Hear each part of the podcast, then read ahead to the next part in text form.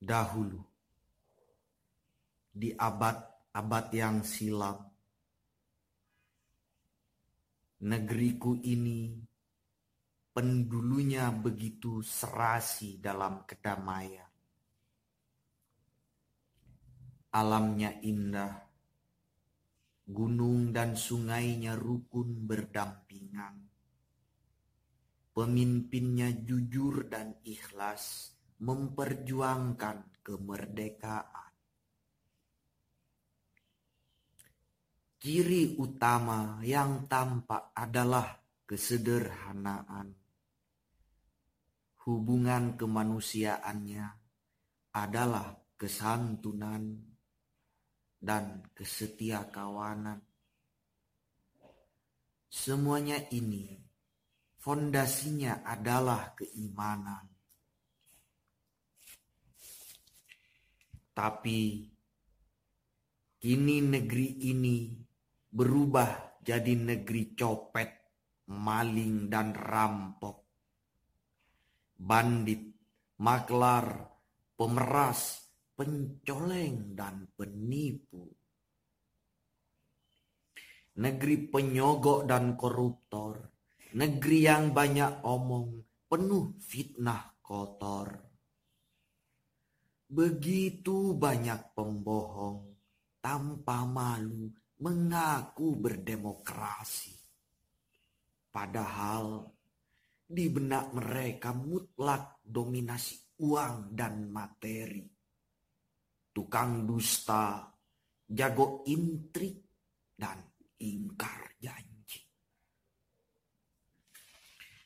Kini mobil, tanah, deposito, dinasti, relasi, dan kepangkatan, politik, ideologi, dan kekuasaan disembah sebagai Tuhan. Ketika dominasi materi menggantikan Tuhan. Kini negeri kita penuh dengan wong edan, gendeng, dan sinting negeri padat, jelma, gelo, gerelo, kurang ilo, manusia gila, kronis, mitologis, serta klinis nyaris sempurna infausta. Jika penjahat-penjahat ini dibawa di depan meja pengadilan, apa betul mereka akan mendapat sebenar-benar hukuman? Atau sandiwara tipu-tipuan terus-terus diulang, dimainkan, difonis juga tapi diringan-ringankan. Bahkan berpuluh-puluh dibebaskan. Lantas yang berhasil mengelak dari pengadilan lari ke luar negeri dibiarkan. Dan semuanya itu tergantung pada besar kecilnya uang sogokan. Di Republik Rakyat Cina, koruptor dipotong kepala. Di Kerajaan Arab Saudi, koruptor dipotong tangan. Di Indonesia, koruptor dipotong masa tahanan. Kemudian berhanyutanlah nilai-nilai luhur luar biasa tingginya.